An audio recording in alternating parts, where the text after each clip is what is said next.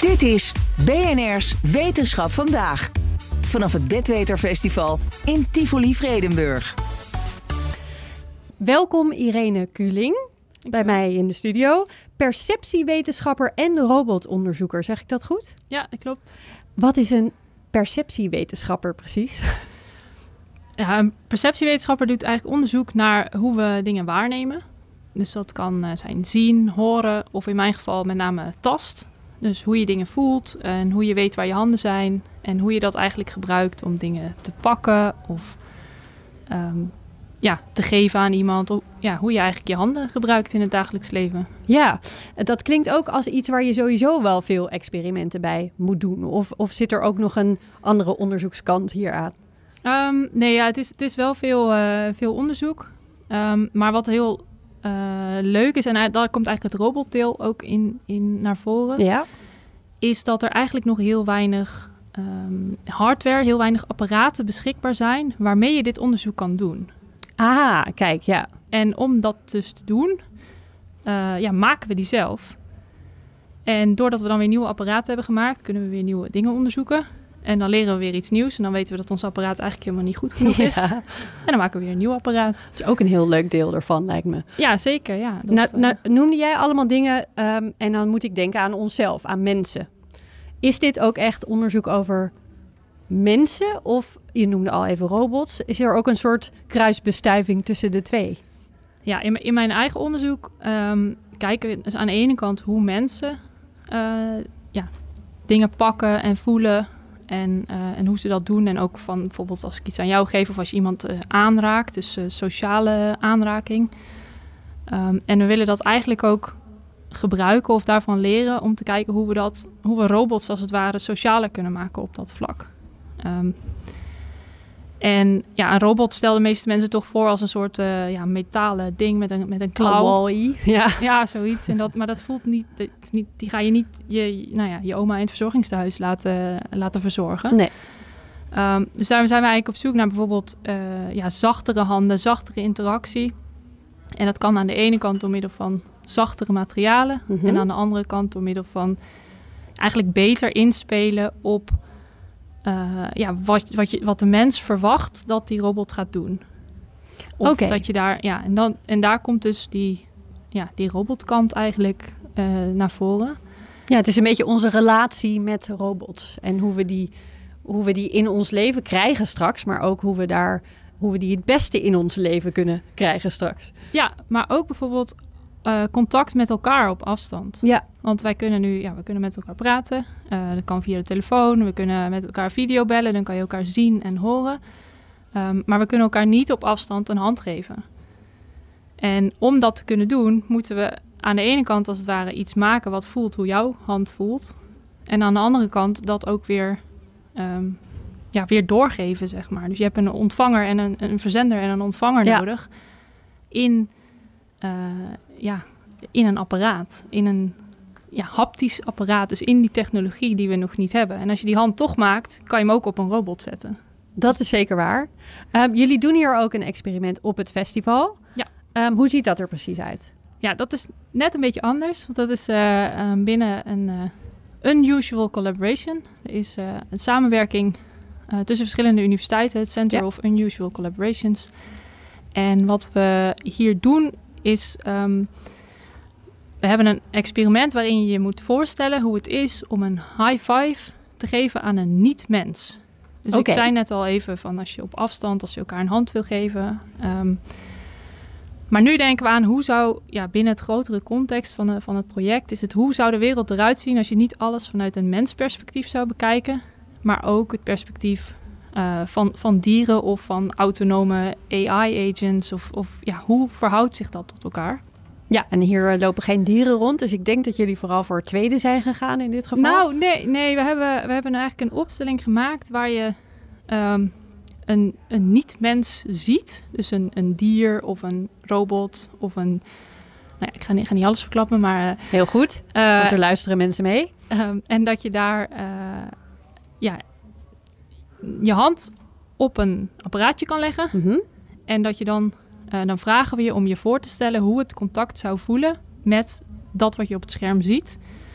En dan kan je zelf de instellingen doen eh, van hoe hard je drukt en hoe groot het contact zou zijn en hoe, eh, of het trilt of niet bijvoorbeeld, of het een hartslag heeft, of het, nou ja, dat soort eigenschappen kunnen we dan, eh, ja, kunnen mensen instellen. Ja, ik kan me voorstellen dat, als het no dat het nogal uitmaakt als je een, een kat voor je ziet of een uh, robotachtig iets bijvoorbeeld. Ja, ja, kijk, bij een olifant zal, je, zal iedereen wel een beetje dezelfde idee hebben, namelijk groot contact, beetje traag, stevig contact en stevig. Ja, ja, ja. Um, maar ja, de, we hebben allerlei uh, dingen daarin zitten waar we eigenlijk zelf ook niet een hele duidelijke verwachting hebben. Waar we heel benieuwd zijn of mensen daar een soort uniform idee bij hebben of dat iedereen iets anders vindt. Dat, uh, dat gaan we onderzoeken. Ja, want dan ga je dat instellen zelf. En ja. dan denk je, nou, dit is hoe, hoe ik denk dat dit ongeveer zou voelen. Ja, toch? Ja, dat klopt. Ja. En als je kijkt naar de grotere vraag hierachter, het grotere vraagstuk waar dit dan weer onderdeel van is. Um, nou ja, dat is dus eigenlijk die twee dingen die ik al eerder noemde. Aan de ene kant is het het ontwikkelen van die uh, technologie om die haptische interactie mogelijk te maken. En aan de andere kant is het vanuit die unusual collaboration, is het ook kijken. Um, we, we, hebben er allerlei vragen uh, ook liggen en een discussie nadat mensen het experiment hebben gedaan. Um, bijvoorbeeld over zou technologie kunnen helpen om je beter voor te stellen hoe zo'n wereld eruit zou zien, waarin je niet alles vanuit een mensperspectief bekijkt. Um, en helpt het om uh, te, ja, kunnen voelen zoals een dier bijvoorbeeld. Zoals je denkt dat een dier voelt, kan je je dan beter inleven in een dier. Oké, okay, is ook een beetje dat, dat inlevingsgedeelte is dus ook inderdaad heel belangrijk.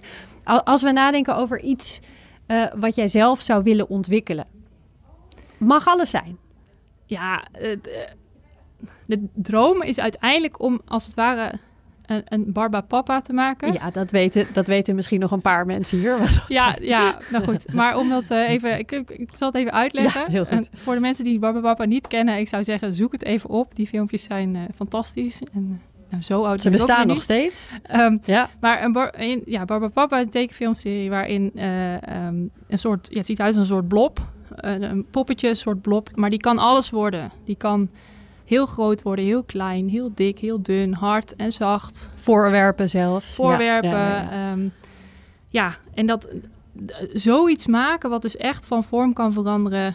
En van materiaal en van, ja, van of het hard of zacht is. Ja, dat is eigenlijk uh, een soort van het ideaalbeeld. Dan kom je ook richting de Star Trek, nog ouder denk ik. Maar de Star Trek holodeck. Uh, dat je dus echt kan voelen wat er niet is. Ja, um, dat is, daar komen ook denk ik een heleboel onderzoeksvelden bij elkaar. Want je moet inderdaad die materiaalwetenschappen, de soft robotics, je moet uh, de hele technische kant voor elkaar krijgen. Tot op de allerkleinste deeltjes waarschijnlijk van zo'n zoiets. We zijn daar wel ver van af nog misschien, toch? Uh, ja. ja, ja en nee. Uh, denk je dat het ooit lukt? Barbapapa in het echt. Of iets ik, wat er in de buurt Ik denk komt. dat we wel... Um, oh, ik denk het wel. Ik denk wel dat we okay. tot iets kunnen komen wat echt van vorm kan veranderen. Uh, wat, en kijk, het is ook een beetje als je kijkt naar, naar, naar de visuele uh, technologie bijvoorbeeld. Naar, naar televisies of naar virtual reality met 3D-beelden. Ja, is dat echt? Uh, nog niet. Maar we, het is wel iets waar je je, je kan voorstellen dat je echt in die omgeving bent. En zo zie ik het ook voor die, voor die Barbapapa, zeg maar. Of we echt iets kunnen maken wat in alles kan veranderen, dat, dat lijkt me uh, magie. Ik geloof niet dat we dat kunnen gaan uitvinden. Maar ik denk wel dat we tot iets kunnen komen waar je, um, nou ja, waar je een, als het ware een brok klei hebt, maar wat ook zacht en hard kan zijn, wat, wat gewoon een vorm aangeeft, waardoor je kan voelen, ja, verschillende objecten kan voelen. Ik zie ook nu vormen gereedschap dat gewoon kan veranderen. Ja, dat is handig toch? Dan hoef je, niet, uh, hoef, hoef je, je geen zakmes meer mee te nemen. Ja, Gewoon alleen maar één bolletje klei. Ja. dat klinkt geweldig. Uh, zijn er dingen, uh, voor, als, stel dat mensen denken, nou, dit klinkt leuk om hiermee bezig te zijn. Misschien wil ik dit wel thuis proberen met mijn kinderen of in een klaslokaal of gewoon met je vrienden. Maakt allemaal niet uit. Zijn er dingen die we hier, die we zelf kunnen proberen thuis? Voor de technologie is dat nog wat lastig. Um, Meer het perceptiegedeelte perceptiegedeelte kunnen we, kunnen we zeker, uh, kan je dingen proberen. En dat, um, dat geeft eigenlijk ook een beetje aan hoe moeilijk het is. Want dat is, um, nou, je hebt misschien vast wel eens geprobeerd als je eerst ehm, in, nou ja, het experiment wat je zelf kan doen is je neemt een bakje met koud water, je neemt een bakje met warm water. Ja. Doe je uh, ene hand in het koude water, andere, bak, andere hand in het warme water. Ja. En dan heb je een bakje in het midden met gewoon kamertemperatuur water. Als je dan je handen daar eventjes in die twee bakjes laat en je doet ze daarna in het midden, dan voelt datzelfde water voor het ene hand warm en voor de andere hand koud. Ja. Maar het is precies hetzelfde water. En um, dan denk je, ja, dat is best wel logisch, want dat is. Ja, is de ene is afgekoeld en de andere Ja. is opgewarmd. Maar dat geeft ook aan dat het dus heel belangrijk is wat de context is van de situatie om nou ja, die barbapapa goed te krijgen uiteindelijk. Um, en ook bijvoorbeeld materialen op kamertemperatuur. Ja, hout voelt veel warmer dan metaal.